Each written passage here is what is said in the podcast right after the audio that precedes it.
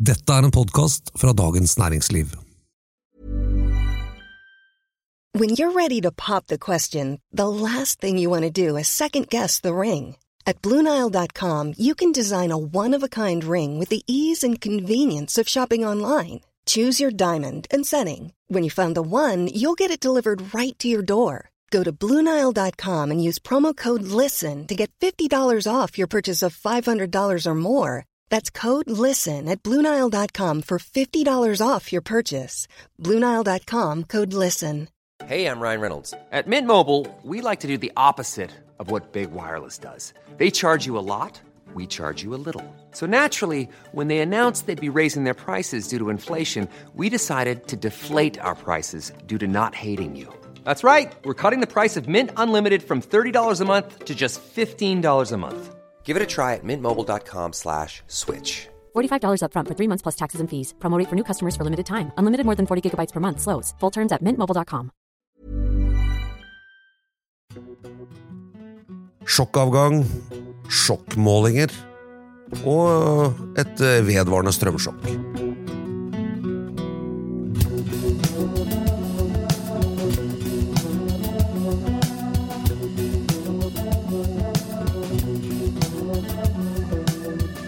Er den eh, sjokkartede politiske situasjonen fra Arendal stadig vekk. Ja, med eh, kommentator Eva Grinde og meg, Fridtjof Jacobsen.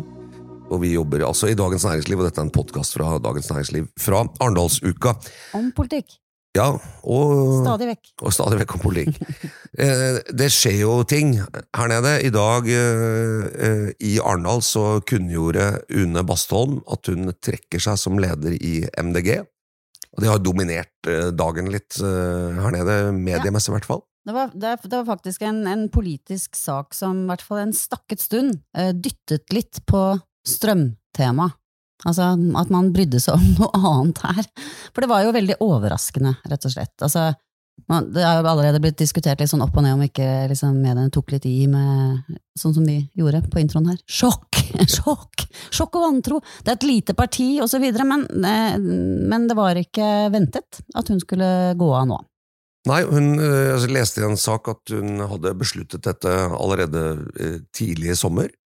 Hun ble valgt, gjenvalgt som leder på landsmøtet i mai, så det gikk jo ganske kort tid etter gjenvalget hvor hun da sier at det går rett og slett ikke i hop for henne med, eh, med privatlivet og barna og, og, og sin egen helse. Eh, Og det eh, virker som en forklaring som man kan forstå. Det, det er som jeg tror en eller annen kollega påpekte at eller var det han Sigbjørn Aanes, som var sånn spinndoktor og statssekretær for Erna Solberg, i en Facebook-post, at det å være partileder på det nivået i norsk politikk er ufattelig krevende. Eh, Og det er vel flere andre partiledere som har uttrykt det samme, at de har forståelse liksom, for de tingene. Sigbjørn Aanes han er i First House nå, er han ikke det? Konsulent. Jo, ja, han er var. Ja. Ja, han er det. Ja. Han Men, var det. Ja. Uh, ja, nei, og, og hun virket jo veldig ærlig på det, uh, på den eh, pressekonferansen som hun da holdt her i, her i Arendal, Pollen, klokka 11 i dag, onsdag. Eh, og jeg var ikke til stede der, men har eh, hørt det, altså det sprakk litt i stemmen, og ja, det var på en måte, dette, dette var noe eh, ekte, framsto som veldig sånn eh, en ekte situasjon som var veldig tøff for henne, og hun syntes det var utrolig trist, men hadde trukket den konklusjonen, da. Og, og nå må vi vel liksom understreke at uh, vi skal selvfølgelig ikke trekke noen verken forklaringer eller motiver eller grunner i tvil på, på det hun sier, for vi får ta det, men, men sånn, eh, hvis man skal reflektere litt rundt det, i hvert fall det jeg har sett når man ser på eh, folk som har partilederposisjoner, og er helt særlig partileder, som er en, det er liksom en ekstra utsatt posisjon, det er liksom er to-tre hakk opp fra alle andre politiske verv. Eh, så, så er det sånn, jeg tror at det er så krevende og så altoppslukende, eh, og så eksponert på mange måter, at, eh, at hvis du skal tåle den belastningen, så må du få en del igjen. Altså, du er nødt til å få noe i det arbeidet som gir deg energi og motivasjon, som gjør at du kommer deg gjennom det som er tungt, og at du tross alt tenker at eh, brøken faller ned, at det liksom Ja, er ja, absolutt. Ja. Ikke sant? Og det, og det som er kanskje noe av det aller mest slitsomme som fins, er jo å jobbe i motbakke og motvind og ikke nå de målene man når. Det er lov å spekulere såpass. Altså det, det må jo komme inn som en en eh, faktor i hele eh, arbeidssituasjonen til lederen av MDG. At Mm. det har vært eh, såpass tøft, ikke sant? og at ikke minst da eh, valget gikk såpass mye dårligere enn det de hadde håpa på. Ja, for Hvis vi spoler tilbake ett år, da vi var her i Arendal sist, så, så var jo det rundt partilederdebatten her for ett år siden. Eh, Så gjorde jo Bastholm, mener jeg, en veldig god partilederdebatt. Eh, Noen kåret henne til liksom den beste i hele debatten. Hun var en politiker i ganske stor medvind. Eh, Klimasaken var høyt oppe. Det, det, altså, hun var tydelig, og, og jeg må si at ofte jeg var ikke alltid enig liksom, med MDG, og jeg syns jo de gikk veldig langt etter oljebransjen og sånn, men hun var en veldig sånn åpenbart et stort politisk talent. Ja. Jeg ser jo hadde store politiske evner.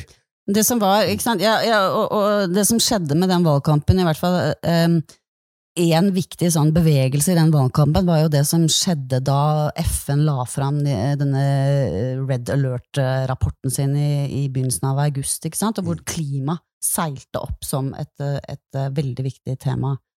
Men eh, og, og, og da hadde på en måte MDG hatt det litt, litt alene fram til da. Forenkla veldig, men, eh, men likevel. Eh, Men så så du at alle de store partiene kom på banen med sine, sine, sine politi sin politikk for klima, og da eh, var det akkurat som eh, MDG, MDG ble litt sånn febrilsk, og gikk litt vel langt. Og e- en av de tingene de virkelig angret på da de evaluerte seg selv etterpå, var jo nettopp dette oljeultimatumet. Mm. Eh, om at de ikke kunne samarbeide med noen som ikke gikk inn for å stenge all oljeutvinning nå. Omtrent, var det ikke Jo, de, Det var noe sånt? De, ble, de ble på en måte tvunget litt lenger ut, liksom, på, ja, sånn på, så det ut. Mhm. på marginen, ikke sant? Mhm. Fordi det begynte å bli trangere i midten på klimaet. Flere partier kom på med sin klimapolitikk og hadde en viss troverdighet, og så var det MDGs svar at da måtte de liksom eh, stå enda litt hardere på gassen og komme med enda litt mer eh, hva kan man si, drøyere eller, politikk. Ja, da. Og, det, og det, jeg er ikke sikker på om det var det som gjorde at de, at de ikke kom seg over sperregrensen. og De var ganske nær, det må jeg huske. Det var, det var ikke så veldig mange stemmer om å gjøre at, at de hadde kommet over sperregrensen og dermed blitt en suksess, men det er klart det nederlaget, at de ikke lyktes å komme over sperregrensen når de hadde så gode forutsetninger, lå så godt an så kort tid før valget, det, det er klart et stort nederlag. Og det, egentlig så, så ville ikke det vært unaturlig om en partileder som da hadde jobbet med det, sagt liksom ganske kort tid til valgnatten jeg klarte ikke det jeg skulle, jeg trekker meg til side og lar noen andre Ja, det var veldig målet, ikke sant, å komme over den eh, sperregrensen. Men, men det, de la i hvert fall altså De hadde jo en veldig sånn oppsiktsvekkende, ærlig og selvgranskende rapport, som de, som, eh, hvor, de, hvor de virkelig liksom gikk seg selv etter i sømmene etter valget for å finne ut hva som gikk feil, og da, da, da ble det lagt eh, fra dem selv mye vekt på det at de, at de ble liksom en sånn gneldre bikkje sånn langt ute, ute på siden og ble liksom for ekstreme til å få, en, eh, få den innflytelsen de skulle ha, og at, man, og at ganske mange da tenkte at nei, jeg får, jeg får det jeg trenger av klima i, i andre partier, som også har rom til, å, til, til en oljenæring som fortsatt er viktig, ikke sant? Ja, SV gjorde jo for eksempel Ja. relativt bra i valget. Så, eh, så det, ja, og så er det jo et spørsmål jeg lurer litt på, er jo at, sant, gitt at de er tross alt da, siden de ikke kom over sperregrensen, det, det har jo den, den, eh, en praktisk konsekvens av det, er jo at det blir færre stortingsrepresentanter å på en måte dele jobben på. Så det blir mye å gjøre Det har for de bare som vært er der. tre, ikke sant? Ja, Mm. og så i tillegg så betyr det også det at når du har flere stortingsrepresentanter, får du også mer apparat, for du får mer penger til å lønne rådgivere og, og den type ting. Når man er et lite parti, så blir det altså mye mer slitsomt, for man har færre folk, og hvis man ønsker da å drive på samme nivå som partier som er for eksempel Rødt eller SV eller sånne ting, så har de rett og slett mye mer manpower å, å gå på med, og det gjør nok at belastningen kan bli stor, men en ting MDG bør uh, spørre seg om etter dette, er jo om om de har organisert arbeidet. Har nestlederen i partiet tatt nok ansvar? Har de avlastet lederen sin i en situasjon hvor de kanskje trengte litt avlastning med, med små barn? Har, har de spilt hverandre gode? Har de liksom sørget for å ha motivasjon? Eller er det noe i partiet som gjør at hun til slutt liksom, vekten ble for tung, og at de da mistet en leder som, som i hvert fall mange mener var et åpenbart uh, stor politisk ressurs? Det, det lurer jeg litt på. Ja, altså Hvis du ser på den trioen i Stortinget, så er jo det tre veldig sterke personligheter. ikke sant? Lan Marie Berg og Rasmus Hansson og, og henne. Mm. Er det liksom en Er det, er det er det liksom tre enere som leker ved siden av hverandre, sånn som man snakker om toåringer som ikke leker sammen, men de leker ved siden av hverandre i sandkassen? Eller, eller har de hatt et godt samarbeid? Det er jo sånne Man kan jo bare lure på. Ja, og det har jo vært et parti som til tider har hatt ganske store interne motsetninger og ganske opphetede interne debatter, særlig for en stund siden. Eh, og så er det jo en annen ting som er interessant med hvem som blir ny leder. Arild Hermstad eh, har jo meldt seg på der og sagt han er, han er nestleder i dag, sagt han er klar til å ta det vervet. Lan Marie Berg har sagt at hun ikke ønsker å søke det, men er blitt parlamentarisk leder på Stortinget. Som jo også er jo en, på en måte en i hvert fall sjef da i stortingsgruppa. Eh, så har Rasmus Hansson vært, eh, uttrykt sin skepsis når det gjelder Hermstads kandidatur, og sagt at han håper det kommer flere kandidater. Ja. Så det er jo litt eh, Ja, det peker jo litt fremover. Det kan jo være sunt å ha flere kandidater, Absolutt. men, men, jeg tror det ligger jo også i MDG et, et slags veivalg her, som, som er jo den på på at, som en del snakker om i, i klima- og miljøbevegelsen, er at sant, miljøvern er på en måte én retning der, og klima er noe annet. ikke sant? Eh, og vil eh, MDG gå og bli et veldig miljøvernorientert parti? Ikke sant? Med fredning, med den type ting, med eh, antibilisme og sånne ting? Eller vil det bli et mer klimaorientert parti som prøver å finne løsninger på det, og det er ikke alltid så forenlig. En del av de store kranglene på en måte i miljø- og klimabevegelsen går jo nettopp mellom klassisk naturvern og de som definerer seg selv som klima, eh, ikke sant, og mest opptatt av klima. En annen ting er at jeg lurer på om det er egentlig plass i partifloraen i det hele tatt til et rent klima- og miljøparti, all den tid det er så, etter hvert et så hovedtema i absolutt alle partier som er seriøse og bryr seg om viktig politikk. Sånn at det kan være vanskelig å, å Det å få et parti i Norge til å bli stort hvis du eh, er veldig anti eh, fossil energi og oljebransjen på en sånn uf uforsonlig måte, det tror jeg er fortsatt veldig vanskelig. Ja, men, eh, Samtidig har det vært litt forfriskende, for eksempel, at de har vært, eh, vært det eneste partiet, i hvert fall det som, jeg, som har vært tydelige på at uh, vi skal fortsette med, med, kabler til Europa med strøm, og at det vi må gjøre med dette her, er å kutte ned på forbruket. Punktum finale. Ja. Ikke sant? Sånn at det, det, er jo veldig bra å ha noen som sier det òg. Ja, det var litt upresis, dette paret jeg prøvde for jeg tror det er bedre å kalle det for naturvern ja. og et klima- og miljøparti. Mm. Eh, og sant, Naturvernet står ganske sterkt mange steder i Norge. SV eh, hadde jo en del av dette før, med sånn, sant, verning av skog, eh, ikke utbygging i områder, liksom, la naturen være fri, prøve å verne naturen. En del av det finner vi jo i vindmøllemotstand. ikke sant, og det, klassiske naturvern, Alta-aksjonen, utbyggingen der oppe på 70-tallet og sånn, den står ganske sterkt i Norge, tror jeg. Og det kan jo godt hende at MDG kan si at hvis vi Klimaet begynner å bli litt trangt, der er det ganske mange, men hvis vi blir et veldig tydelig naturvernparti, eh, så kan vi kanskje aktivisere noe mer. Men, kanskje. Jeg liksom lurer på eh, hvor stort det potensialet er òg, men eh, ja. Men jeg, Hvis det blir anti-vindmøller, så kan det jo være litt av et potensial. Men, men Arild Hermstad kommer på en måte fra naturverndelen ja. av, av, klima- og miljøbevegelsen, mm. så er, han er en interessant kandidat på den måten. Eh, og også det liksom å dra ned forbruk og leve på en måte mer asketisk, og sånn, mens, mens, andre vil si at vi kan fortsette å leve som vi gjør, vi må bare gjøre det smartere og med mindre utslipp. ikke sant? Det er litt, eh, ja, det blir, det blir i hvert fall, eh, det kan bli en interessant debatt der. og, og ikke sant, 2025 det er en ny sjanse, men på et eller annet tidspunkt, hvis MDG aldri klarer å komme seg over sperregrensen, så mister de jo relevans tror jeg, som et eh, klima- og miljøparti. Da, da vil dette bli slukt inn i de etablerte partiene til slutt. da. Mm.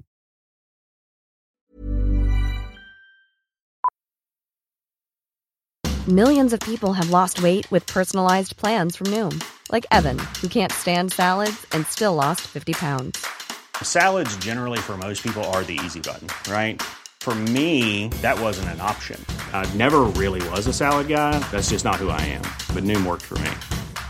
Get your personalized plan today at Noom.com. Real Noom user compensated to provide their story. In four weeks, the typical Noom user can expect to lose one to two pounds per week. Individual results may vary.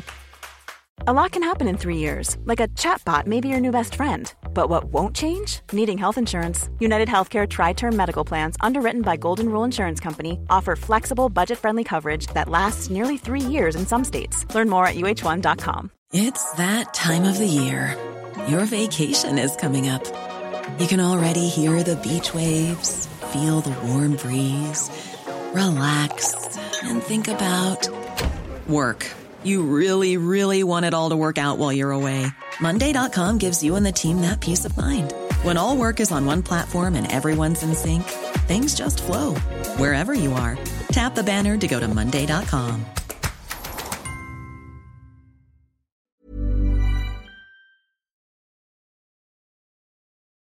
Ja, nei, fare for det.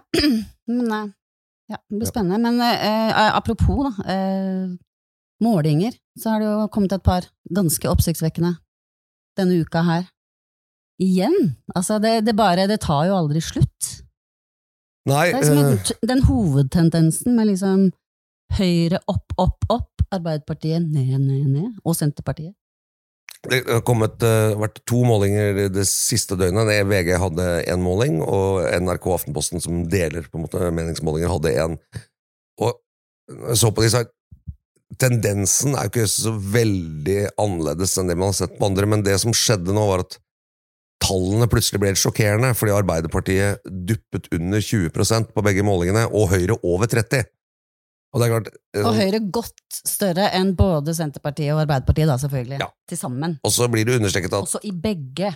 Ja. ja, feilmarginen og sånn og så videre, men det, er klart, det ligger noe symbolsk i at det står et ett-tall først det ene stedet og tre-tall det andre, enn at det liksom er 20,5 og 29. Altså, det ser litt annerledes ut, og dermed dekning for begrepet sjokk. Ja, ja, absolutt. her. Dette er sjokk så godt som noe. Ja. Men, eh, men, men det man også kunne tenke Nei, det er ikke en, det er ikke en stor endring, men samtidig så eh, Jeg har jo vært inne på tanken om at det kanskje kan eh, snu om, på et eller annet tidspunkt.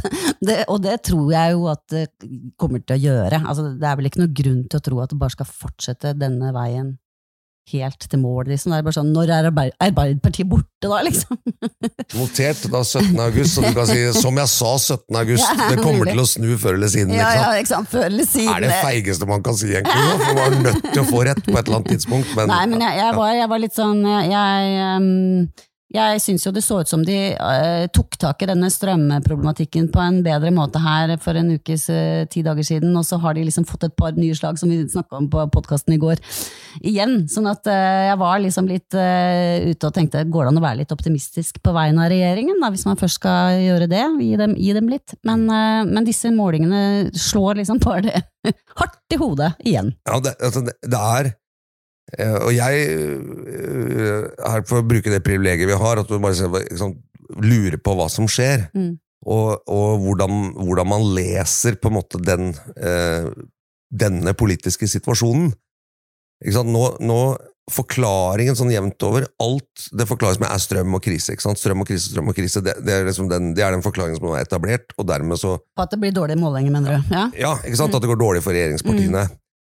Men, så, men så tenker jeg sånn, ikke sant? Dette er liksom Dette er jo velgere som setter seg på gjerdet og bytter parti.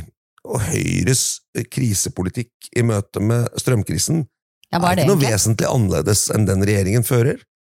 Høyre er, ikke sant? De er, står jo som regjeringen på at liksom kablene og Arbeiderpartiet at kablene skal være der. De, strømstøtteordningen kunne nok Høyre også funnet på, de backer det. Høyre har nå sagt at de vil ha strømstøtte til bedriftene, som regjeringen også har sagt, osv. Så, videre. så Så du finner liksom ikke noe sånn ja, men en, men en liksom, pass på at den, blir, at den blir treffsikker, og at den ikke blir dum, og at den ikke blir overdreven. og alt sånt. Så jeg synes Arbeiderpartiet-Høyre er jo en sånn slags allianse nå i, i, i den krisa. Ja, og så er det jo også veldig mange da misfornøyde Senterpartivelgere som også går til Høyre. De går ikke bare til Frp eller mer radikale partier, de går også til Høyre. Så, så forklaringen er litt sånn Er det sant, er det så er det, så, det er mulig at det, at, at det skjer noe annet i den velgermassen Mm. enn det vi klarer å se. Og, og min erfaring, eller jeg tror i hvert fall, er at vi, når man sitter midt oppe i politikken og alle detaljene og leser alle nyhetene frem og tilbake, så overvurderer man litt hvor mye folk får med seg av, det, av detaljene, ikke sant? Og det kan være litt sånn andre grunner til at de er sånn Nei, dette her, det Jeg syns ikke var noe. Så nå liksom prøver jeg noe annet, eller jeg sier at jeg vet ikke hva jeg skal stemme, eller sånn frem og tilbake.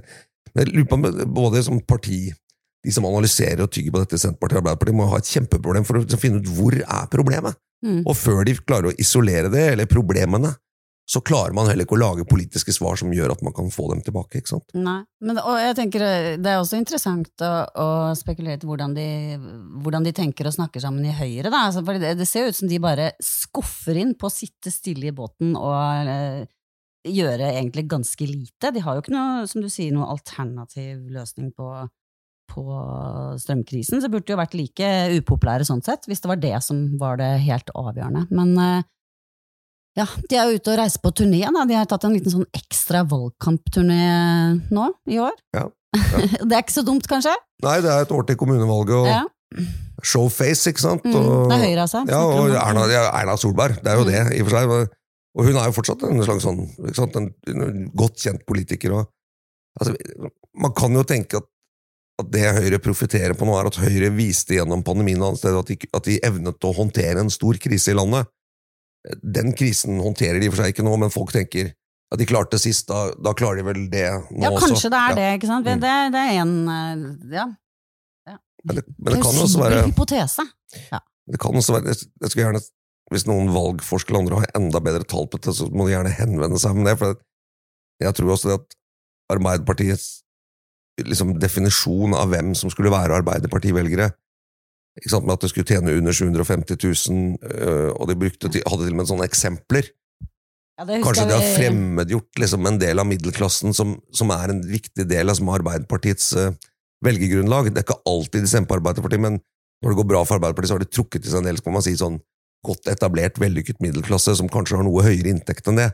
Og når man har sagt at dere, det er ikke dere vi er til for, så, så fremmedgjør man kanskje en litt for stor del av befolkningen. Og det, og det kan jo hende at det er nettopp det de har gjort. Lilla-velgerne i byene, videre. Ja, og her kan det også være en del Senterparti-velgere som på en måte er litt mer eh, holdne, da, kan du si, ikke sant? og som på en måte er en slags distriktsmiddelklasse, men som har god råd, og så får de beskjed om at nei, dere skal få høyere skatter osv. Ja.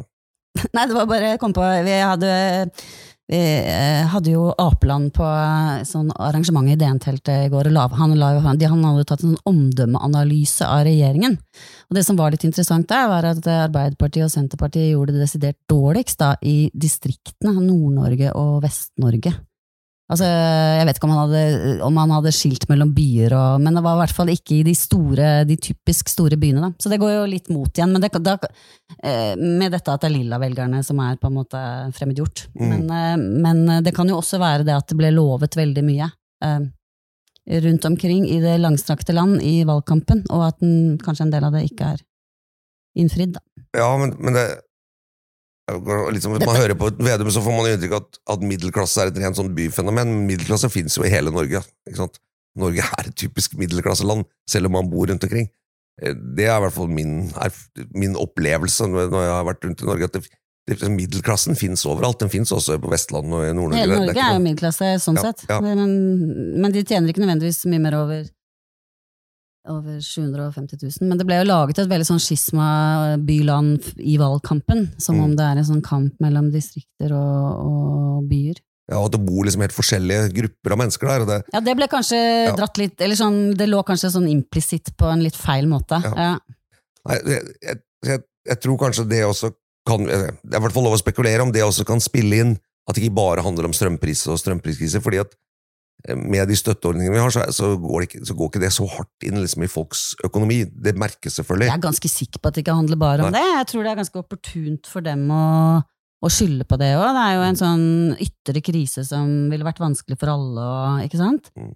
Så, men det kan jo godt hende at på kammerset så er de litt mer altså, For det er jo om, det er nok lurt å prøve å finne ut hva det er, ikke sant? For å gjøre noe med det. Så det kan hende de er liksom litt mer åpne for andre årsaker da, på kammerset. Ja, det er Så,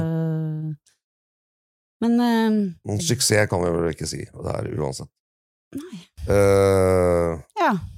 bare Jeg hadde intervjuet en, en sjefen i NHO, Ole Erik Almli, eh, på en frokost uten filter i dag. Det kan godt hende det blir lagt ut som podkast. Er eh, lurer på om det er det allerede? Kanskje er det allerede. Ja, jeg tror det. Her, skjer en rasende fart er, i Dagens det er Næringsliv. sånn Ja, vanvittig dynamikk. ja, Den multimediale bedriften Dagens Næringsliv. Men, eh, eh, men da snakket vi litt om strømstøtte, eh, som jo, altså til bedriftene, og den kommer. Det, det tror jeg det kan vi bare Det tar vi inn. Men han Ja, sa en ting som var litt interessant, syns jeg, nemlig at NHO eh, denne gangen sier at de er helt åpne for at med strømstøtten så kan det følges sett med sånn utbyttebegrensninger. Noe NHO jo var sterkt imot eh, under pandemien, da at man hadde idé om det. Og det, det syns jeg var litt verdt å merke seg. Ja. Og, og, jeg, og jeg tror jeg må si at jeg tror det er ganske smart Eh, For at jeg tror ikke man en runde til hvor det viser seg at liksom enda mer fellesskapspenger går til å lage enda større utbytte for rike eiere, Mm. det, det tror jeg vil liksom gjøre hele dette støtteprinsippet litt sårbart. da. Ja, det tror jeg også. Så og der er de liksom på linje med LO har jo selvfølgelig sagt det samme, men det blir jo en sånn ganske sånn eh, sterk allianse når de eh, er enige om sånne ting. Og så tenker jeg altså at eh, eh, hele støtteordningen under pandemien var jo annerledes, for der måtte jo bedrifter rett og slett bare stenge ned. Men her har jo bedriftene muligheter til å løse utfordringene sine med utgifter versus inntekter eh, på flere måter, ikke sant? Eh, Sånn som man allerede, det, det var jo også noe som LO tok til orde for, det å ikke gi støtte til, eh, til bedrifter som allerede har skrudd opp prisene til forbruker, for å betale for økte strøm, strømutgifter. Så det, det, er, det, er, det litt annerledes eh, denne gangen, så, men jeg er helt enig i at det er smart av NHO å ta det standpunktet. Det er et veldig, det må jeg bare si er et veldig merkelig utspill fra LO. For det å, eh, å si at sant, hvis du har skrudd opp prisene fordi du har mer kostbare innsatsfaktorer, i tillegg så ønsker man jo kanskje å eh, altså, Det er jo en helt vanlig del av en sånn markedsmekanisme, ikke sant? Og det handler jo også litt Og det, og det samme som jeg er redd for med den strømstøtten, er jo at det, at det blir jo ikke noe insentiv til å faktisk prøve å bruke mindre strøm. sånn, det er jo sånn bedrifter i det, fri, det private næringslivet er nødt til å operere. Mm. blir, når ting blir dyrere, så må de finne måter å, få inn, eh, å ta inn det på. Ja. Eh, og, da, og hvis man da greier å løse det med i en verden der, man, der det ikke liksom er en støtte å få, så, så, mm, så skal man ikke ha den støtten på toppen. Da. Det er vel det som er tankegangen. Ja. I morgen, torsdag, eh, nå er det onsdag når vi spiller inn dette, så er det også rentemøte i Norges Bank, og der er det jo ventet at det kommer en økning på et halvt prosentpoeng til. Det er i hvert fall det som er spådd. og- og To kvartinger. Ja, Dobbel kvarting, som, vi, som vi har lært at det heter. Eh, og da blir jo et spørsmål om ikke det neste kravet fra norsk næringsliv blir at vi så skal ha rentestøtte. Rentestøtte. Fordi at det blir dyrere å låne penger eller, eller sånne ting. Da lever vi godt her i Dagens Næringsliv. Ja, da Eller så må vi gå på barrikadene. Men eh, vi tror ikke det skjer. Men, eh, men det viser jo på en måte at eh, det man liksom får eh, av støtte, som man blir jo fort trukket inn igjen med den andre gjennom rentesetting og sånn. og det, det også er komplekst for regjeringen. Det med høyere renter, og særlig hvis det begynner å gjøre at boligene til folk, som jo er noe av det viktigste investeringene, begynner å bli litt mindre verdt eller vanskelig å selge osv., da, da tror jeg det blir ekstra, ekstra tøft, og det tror jeg er mye, mye verre ting. Det er mer sånn klassisk at hvis du får dårligere råd og høyere rente på lånet ditt, da er du forbanna på regjeringen, altså. Mm. Så eh, det, det kommer mer. ja, det kan komme absolutt mer. Eh, Det kan det, men det er, det er en voldsom pessimisme da, ikke sant? hos norske bedrifter. De tror at det kommer til å gå så dårlig. Eh, Men tallene nå på en del bedrifter, sånn, det går jo veldig bra. Ja, men det kan jo ikke fortsette å gå veldig bra hvis renta fortsetter opp og inflasjon, altså, eller liksom prisene opp, renta opp. Så vil det på et eller annet tidspunkt slå inn også i, i ja, økonomien. Ja. Ja, vi får se. Ja. Eh, Dette blir den siste sånn eh, ekstra podden fra Arendal denne uka. og Det jeg, eh, tror jeg også kan si at det blir faktisk den siste podkasten denne uka. Ja, denne uka blir det vel det. Ja. Så de som vil høre mer av den politiske situasjonen, får vente til neste uke. Men nå tror jeg det blir Du lagt skal ha ut så mye frokost i morgen tidlig, da? Skal Ja, den- jo, skal det, med Erna Solberg. Den kommer til å komme i podkast-feeden. Eller man kan se den på DNNO klokken 08.30 hvis man Ja. ønsker det. på Ja, du skal Eller- snakke med Erna Solberg, ja. Ja. Det blir veldig gøy å høre på. Ja, tipper hun eh, Tipper hun kommer inn i lokalet med en viss swagger, som det heter på det- amerikansk. Ja. De spankulerer litt rundt de høyrefolka nå. De er ganske glade. Og så er det partilederdebatt, ikke sant, og så videre, som skal dekkes, og så videre. Så det er fortsatt litt Arendalsuke igjen å ta av. Men eh, dette var den politiske situasjonen onsdag fra Arendalsuka med kommentator Eva Grinde og meg, politisk redaktør Fridtjof Jacobsen. Teknisk ansvarlig var Gunnar Bløndal, og vi høres igjen neste uke. Det gjør vi. Takk for at dere hører på, og ha det godt.